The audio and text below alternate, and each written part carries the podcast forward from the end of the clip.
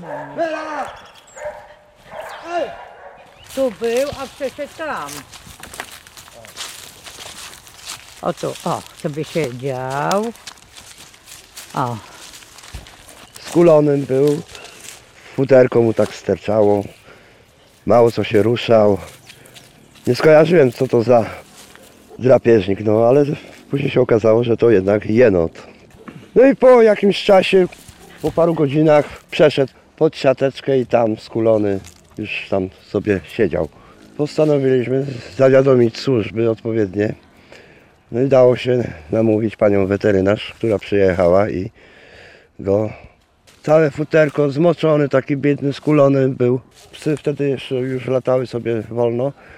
No i podskakiwały do niego, znaczy się tam gryźć się nie gryzły, ale obszczekiwały go w kółko. Przyjechała pani weterynarz, pomogłem jej odłowić, o, żeby do klatki sobie mogła. I go- na go- spokojnie to było? Jak to się odbyło? no, założyła sobie specjalne rękawice takie skórzane, koc, przykryła go, rzuciła kosem na niego i później go tak do, do tej klatki, nie? Trochę ta klatka za mała, no ale jakoś się udało. Założyła kratkę do samochodu i pojechała, nie? Także został szczęśliwie odłowiony, no bo trudno by było przewidzieć, co by się z nim stało. Pewnie by się zmarnował tutaj, by padł by na pewno, bo jak się później okazało, że za zdrowy nie był. No.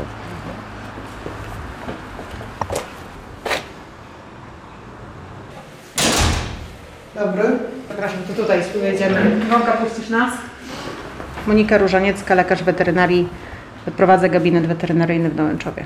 I ma Pani podpisaną też umowę z gminą, tak? Tak, mam podpisaną umowę z gminą. I co jest w Pani obowiązkach? Udzielanie pomocy zwierzętom powypadkowym, no głównie powypadkowym, no i tak naprawdę no, chorym zwierzętom, które nie posiadają właścicieli, są gdzieś wyrzucone. Generalnie zwierzęta, że tak powiem, bezwłaścicielskie i zwierzęta po wypadkach, o tak powiem. Pierwszy raz miałam do czynienia oczywiście z tym gatunkiem. Jednotka też została zgłoszona przez mieszkańców, a później przez władze gminy jako zwierzę potrzebujące. No i udało się dzięki pomocy wielu ludzi i wiedzy wielu ludzi zabezpieczyć tego jenota i przewieźć ją do ośrodka rehabilitacji dzikich zwierząt. Ze zwierzętami dzikimi jest e, no, bardzo różnie. Nigdy nie wiadomo tak naprawdę, czy ten odłów się powiedzie, czy uda się to zwierzę zabezpieczyć. Czasami są takie zwierzęta, które niestety nie dają do siebie podejść i ta pomoc jest mm, bardzo utrudniona i czasami wręcz niemożliwa. No akurat w przypadku tej jenotki udało się zabezpieczyć ją dość sprawnie kocem, włożyć ją, włożyć ją do klatki, no i wszystko poszło jakby, jeśli chodzi o ten odłów, dosyć sprawnie. Natomiast no, sama decyzja o przewiezieniu jej do ośrodka to no, w zasadzie to była tak naprawdę no, jedyna możliwa decyzja, no bo wiadomo, że jenot jest to zwierzę, które wymaga też specjalistycznej opieki i nie jest zwierzęciem, które można trzymać gdzieś w warunkach, wiadomo, domowych, a no, zostawianie jej bez pomocy też byłoby, myślę, że najdelikatniej powiedziawszy, mało ludzkie, więc, więc wszystko się powiodło. Lena Grusiecka prowadzę ośrodek rehabilitacji dzikich zwierząt Leśne Przytulisko w Skrzynicach Drugich. Tu jest ta pani jenot. To jest jenotka, się okazuje. że- Dziewczynka? Tak, że to jest dziewczynka. Gorąco jej trochę, dzisiaj jest jednak ciepło. Ona ma futro dosyć obszerne. Idziesz do nas? Chodź. Chodź, chodź. Ona jak mnie widzi, to trochę zaczyna się bać, że zaraz będę coś przy niej robiła nie fajnego. Niestety. No, u nas jest to gatunek już dosyć powszechny, zwłaszcza tutaj u nas na wschodzie. No jest wpisany chyba od 2019 roku przez Unię Europejską na tą listę gatunków inwazyjnych i niestety można do nich strzelać cały rok, nie ma okresu ochronnego, jest nakaz eliminacji ze środowiska wszelkimi sposobami. One przede wszystkim zakłócają tak zwaną bioróżnorodność, jak zwał, tak zwał. One zostały chyba w latach 30. zeszłego stulecia sprowadzone przez e, obywateli Rosji, bo oni uwielbiali do nich strzelać. A to jest tak naprawdę rodzimy gatunek Chin, Japonii, Wietnamu. One u nas nigdy nie występowały. No i oni sobie fantazyjnie przywieźli je, żeby aż tam nie musieć jechać i wypuścili chyba około 10 tysięcy za naszą wschodnią granicą, a one są bardzo dużymi oportunistami, bardzo szybko zasiedlają teren, bardzo szybko się przemieszczają, mają liczne mioty, więc one sobie po prostu bez problemu przewędrowały przez wszystkie granice, przez które mogły i rozprzestrzeniły się naprawdę dosyć poważnie. Stanowią przede wszystkim konkurencję dla naszych lisów, wypierają borsuki, często zajmują ich nory, bo to jest jedyny nasz przedstawiciel, który zapada w sen zimowy, takich lisowatych. On normalnie śpi przez zimę. No i przede wszystkim tak, on też się wspina wspaniale na drzewa. Jako jeden chyba z dwóch przedstawicieli, o właśnie widzimy, że to samiczka. Siusiu robiła. Chłopczyk to by... Ty... Nogę by Nogę trochę podniósł, podniósł. tak, trochę by podniósł. No. Tak, tak. No i niestety zjadają nasze żaby, zjadają wszelkie inne płazy. Nie są niebezpieczne dla ludzi, bo one są takie trochę niemrawe. One tak troszkę wyglądają, jakby były opóźnione. Ich reakcje też są opóźnione. Bardzo rzadko wpadają w panikę, boją się, tak jak lisy uciekają. One bardzo często też udają martwe, czyli po prostu padają na ziemię, udając, że nie żyją. Czekają, aż się potencjalny drapieżnik zniechęci i zwieje. No i wtedy one tak samo w nogi.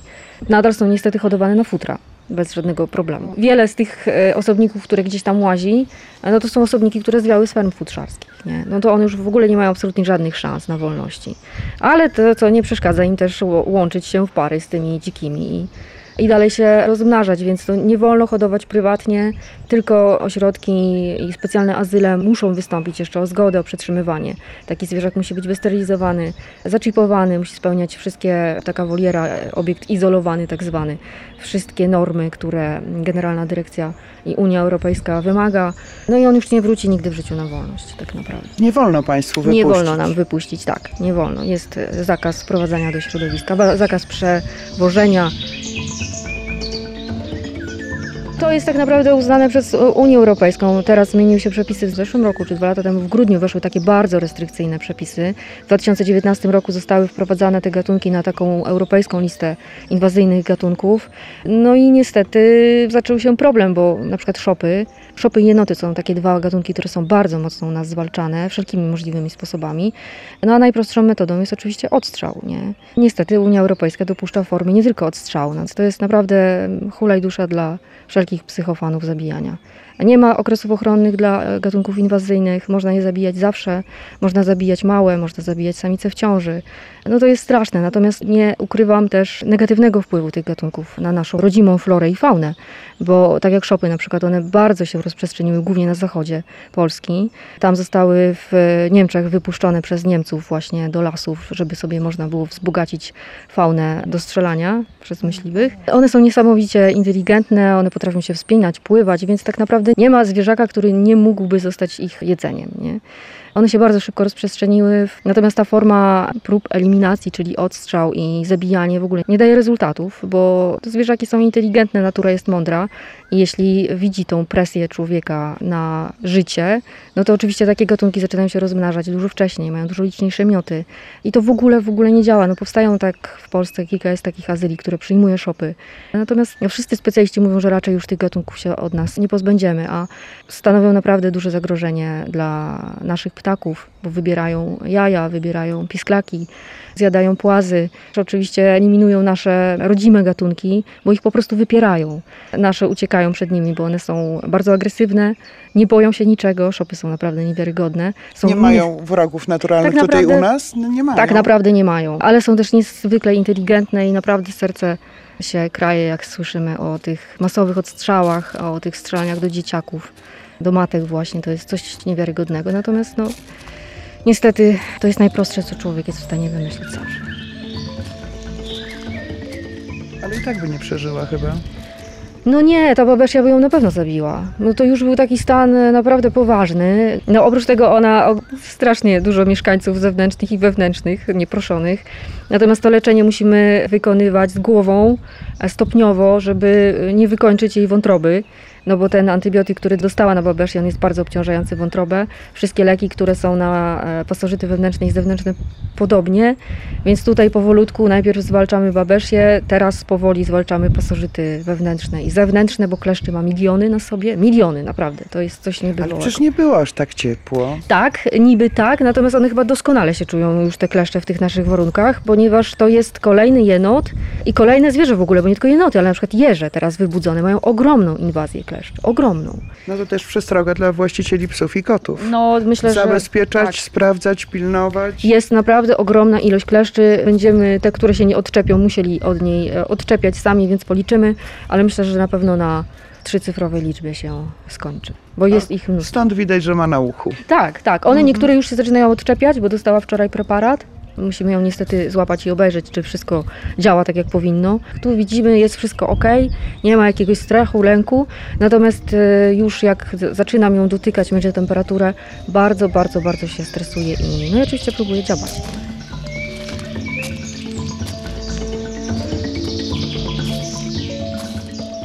To nie jedyny jenot tutaj. Nie, nie, mamy jeszcze trzy jenotki, wszystkie trzy samiczki. Dwie pierwsze trafiły do nas jeszcze przed tą ustawą, więc tutaj nie było problemu z uzyskaniem pozwolenia. One oczywiście też nigdy nie wrócą na wolność, zostały zaczipowane, wysterylizowane.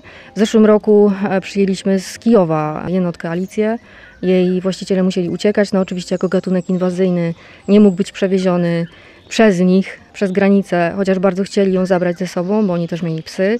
No i tutaj udało nam się uzyskać pozwolenie na granicy na, na przewiezienie jej. No pokonała ogromną, długą drogę, bo z Kijowa, ale jest cudowna. Mieszkała zresztą z nami w domu przez kilka pierwszych miesięcy, żeby się troszkę przyzwyczaiła do warunków takich nowych. Wychowała nam małego lisa. To było dla niej takie lekarstwo, na, bo ona bardzo przeżywała. Miała 7 lat, jak do nas trafiła w zeszłym roku. No to, to, już naprawdę 7 lat u tych państwa to jest bardzo dużo. No i taka nagła zmiana miejsca, zmiana wszystkiego tak naprawdę. I akurat trafił się z podkraśnika na mały lisek, taki naprawdę bardzo mały, który potrzebował opieki całodobowej. No i ona przejęła funkcję matki tak naprawdę. Myśmy tylko karmili, ona ogrzewała, wylizywała, przytulała. I to było takie dla niej, takie trochę lekarstwo na to, co się stało. Nie? Na Ona, samotność. tak, tak. I, I dla jednego i drugiego. To praktycznie one w tym samym czasie do nas trafiły. No oczywiście potem Lisek urósł i zaczął maltretować Alicję. Alicja ze względu na swój wiek już nie dawała siły, nie miała siły na niego. Już musieliśmy je oddzielić. No i Alicja trafiła do innych jenotów, a tam jeszcze mieszka z Szopem Karolem. Także mieszkają tam we czwórkę. No i naprawdę jenoty są niesamowicie fajnymi zwierzakami, które bardzo dobrze czują się w niewoli, mimo wszystko. Bo bardzo często spotykamy się też z takimi zarzutami, że co to za życie w niewoli. Natomiast my nie wiemy, co ten zwierzak chciałby wybrać. Czy faktycznie śmierć, czy życie do końca swoich dni w wolierze, która nie jest wolierą małą. Mają tutaj dostęp do wybiegu. A ta jednotka potem trafi do innych, czy nie? Czy Tak. będzie sama? Czy teraz jest ma kwarantannę jeszcze? tak. Jest na kwarantannie, więc już jak dojdzie do siebie i wszystkie wyniki badań będą ok, no to będzie mogła dołączyć do reszty. A państwo Alicji, czyli te jednotki z Kijowa, y, są w Polsce, czy nie? Z tego co wiem, to oni byli przez pewien czas w Polsce, natomiast to był taki kraj dla nich przechodni i pojechali dalej. W zeszłym roku e, próbowali nas odwiedzić, ale coś tam im niestety Nie nie, wyszło. wyszło. Ale jesteśmy w kontakcie, oni tam proszą o zdjęcia, my oczywiście wysyłamy. Bardzo przeżyli to wszystko, co się stało. No, ciężko, żeby nie przeżyli. Alicja zresztą tak samo. Bardzo sympatyczny zwierzak. No i ona też u tych państwa mieszkała przez te wiele lat w takiej wolierze zewnętrznej. Oni ją z schroniska dla psów wyciągnęli, bo tam chyba nie za bardzo ktoś wiedział, co to za zwierz i trafiła do schroniska dla psów. Ponad 70 z Ukrainy przywieźliśmy kotów w tym takim najbardziej gorącym okresie. No i szukaliśmy oczywiście nowych domów, natomiast to była długa droga, ponieważ one przyjechały w kiepskich stanach, bardzo często przewlekle chore, z różnymi urazami. Ale to znalezione, czy wyrzucone, czy ktoś przywoził? Różnie To pewnie. różnie, natomiast to zwykle po tych takich falach bombardowań, gdzie zawalały się budynki, no to niestety one, no, ludzie uciekali, umierali, a one zostawały, nie? Więc y, bardzo często z naprawdę fatalnymi urazami i psychicznymi tak samo, bo często widzieliśmy, jak boją się przelatującego samolotu, nie? To był popłoch w wolierze, także te urazy były różne. Udało się znaleźć fantastyczne domy, więc zostały tylko trzy z 70.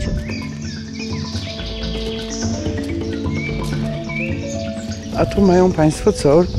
Lisy? To jest tak, kolejne ofiary ferm, niestety. Tu są lisy z ferm futerkowych, lisy polarne i jeden srebrny. Trafiły do nas dwa lata temu wskutek interwencji Łódzkiego Towarzystwa Opieki nad Zwierzętami em, spod Łodzi.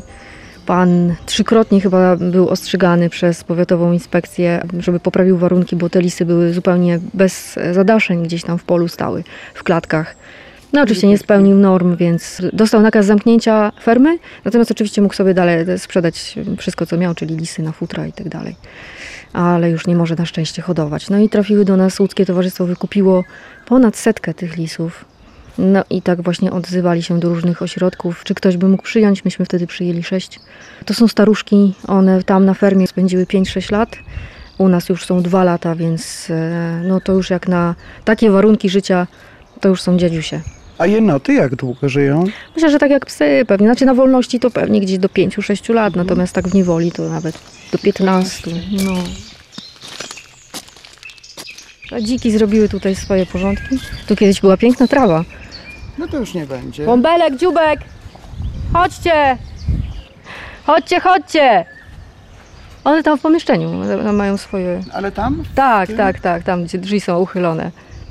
Nie może wejdą, jak usłyszą, że się tutaj kręcimy, natomiast są po śniadaniu, więc siesta teraz, trzeba trochę poleżeć, odłożyć tłuszczyk. Dziki zostały nam podrzucone. Jeden dzik jest z interwencji Powiatowej Inspekcji Weterynaryjnej, ponieważ pan nielegalnie hodował na mięso. Gdzieś tam się dowiedziano o tym przypadkiem, no i została mu pani dzikowa odebrana. Sąd się zwrócił do nas z prośbą o przejęcie zwierzaka. No i oczywiście zgodziliśmy się, no bo inaczej groziłoby mu uśpienie. No i od tej pory jest u nas. Dwa dziki zostały nam podrzucone. Tak ucieka przed tym. Tak, no bo on go prześladuje cały czas. Ty, prześladowca. Nie robi mu krzywdy, tylko gania za nim. Masz. Myśleli, że sobie dadzą radę, wychowają, bo wiewiórki są dosyć łatwe w wychowaniu. No i niestety trzymali jako tak zwane maskotki domowe, po czym wiewiórki jak rosną, potrzebują, one są bardzo terytorialne. Mogą się stać agresywne wobec innych członków rodziny, akceptują często jedną osobę tylko. No i oczywiście e, mają zęby, które ciągle muszą ścierać, więc ofiarami padają zwykle kable. I bardzo często jest tak, że gdzieś dziabnie kabel od internetu, no to nagle staje się już nie zwierzątkiem domowym, tylko koniecznie ją trzeba oddać. No i tak trafiają do nas. A ich się już nie da wypuścić na wolność, no bo tak jak widzi pani, one są bardzo mocno zżyte z człowiekiem i nie wiemy, co by się stało, gdyby gdzieś na jakiegoś grzybiarza w lesie wskoczyła. Podejrzewam, że źle dla niej by się raczej to skończyło. No i zostają u nas już na zawsze. Tamta ciemniejsza. Tak, y, mamy, mieliśmy w zeszłym roku też te takie czarne wiewióry, tą odmianę barwną. Niesamowicie to wygląda, ponieważ człowiek jest przyzwyczajony do wiewiórki rudej. Te odmiany są różne, te barwy ich do bardzo takich rudo-pomarańczowych, przez takie właśnie ciemniejsze, jak tutaj widzimy. One też zmieniają się w trakcie pór roku. Na zimę są bardziej szare, na lato bardziej ogniste. Wszystko się zmienia. One też teraz już zmieniają futerka, będą troszkę inne, mniej właśnie będą miały tych szarości, mniejsze pędzelki. Niech ta wiosna tylko wreszcie przyjdzie. Ach, paluszki jakie słodkie. Tak, to my się śmiejemy, że to są takie, o właśnie, ludziki w kombinezonach. są bardzo wdzięcznymi zwierzakami, no ale mówię, ma, muszą mieć duży teren, dużo różnych schowków, dużo możliwości chowania się. e, Często zmieniają chętnie miejsca spania. No i tak jak mówię, są terytorialne, więc tutaj też nie może być ich zbyt wiele, bo zaczynają się niestety wojny. Bardzo mają u- bogatą dietę, bo one uwielbiają zarówno warzywa, owoce, owady też, także dajemy im mączniki suszone i, i żywe. Lubią grzyby suszone, które sobie suszą same y, na wolności. Bardzo często można zobaczyć wiszące grzyby na drzewach, to właśnie jest sprawka wiewiórek. Naprawdę? Tak, tak, tak. No i nie pogardzą również, jak im brakuje pewnych składników e, odżywczych, małymi pisklakami, o czym nie wszyscy wiedzą. Funkcjonujemy 5 lat. W ciągu tych 5 lat przyjęliśmy już kilka tysięcy zwierzaków. Zaczynaliśmy od mniejszej liczby oczywiście, bo byliśmy jeszcze wtedy nieznani, nierozpoznawalni. Teraz to jest około 500-600 zwierząt rocznie, no i ta liczba oczywiście mm, z każdym rokiem jest większa. Skąd pomysł? Tak naprawdę to tak sam przyszedł trochę. Myśmy wcześniej zajmowali się e, ratowaniem koni, a że mieszkamy w takim miejscu, które sprzyja dzikim zwierzakom i jest tutaj cicho wszędzie dookoła w miarę bezpiecznie, to ludzie zaczęli nam przynosić dzikie zwierzaki, małe wiewiórki, małe jeże. Bardzo często znajdowaliśmy zwierzaki podrzucone gdzieś tam pod płot czy pod bramę. E, Zaczęliśmy też wolontarystycznie pomagać kilku organizacjom, które zajmowały się głównie psami i kotami, natomiast pobocznie też e, zwierzakami dzikimi, bo to często tak jest, bo tych ośrodków jest niewiele. No i stwierdziliśmy, że chcemy to robić po swojemu, że tych zwierząt już jest na tyle dużo, że trzeba wystąpić o pozwolenie, zalegalizować wszystko tak, żeby to miało ręce i nogi. No i chcemy to robić po swojemu, czyli nie generalizować zwierząt na te fajniejsze, bardziej medialne i te gorsze e, bardziej pospolite, dlatego u nas jest też dużo gołębi. Zaczęliśmy od e, 50-60 zwierzaków, teraz e, obecnie na stanie cały czas jest powyżej setki, powyżej 500-600 zwierzaków rocznie jesteśmy w stanie przyjąć.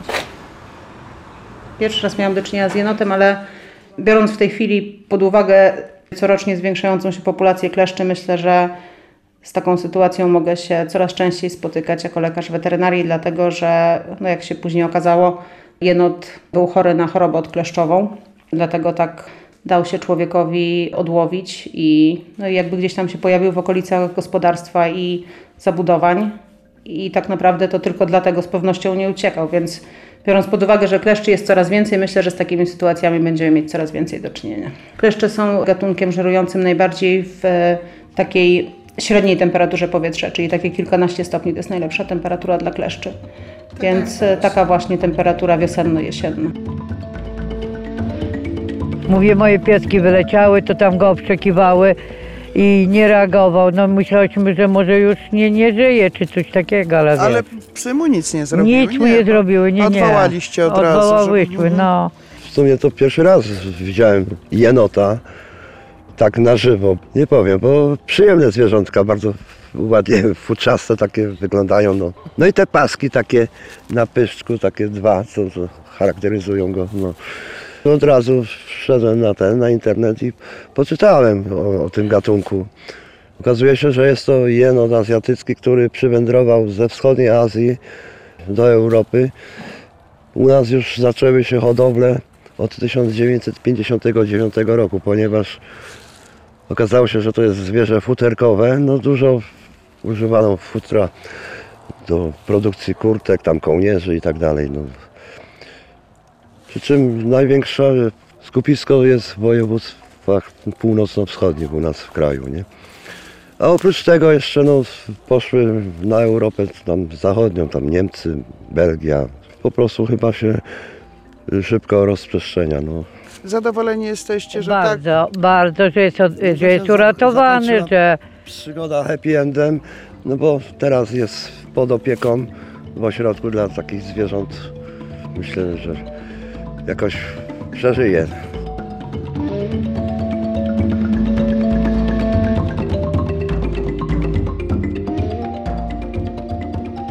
Do gminy zgłaszać to jest też trudna sprawa, jakby, bo gmina wiadomo, że jest to instytucja czynna zazwyczaj od poniedziałku do piątku i to w godzinach najczęściej do 15, więc najbezpieczniej jest tego typu sytuacje zgłaszać na policję.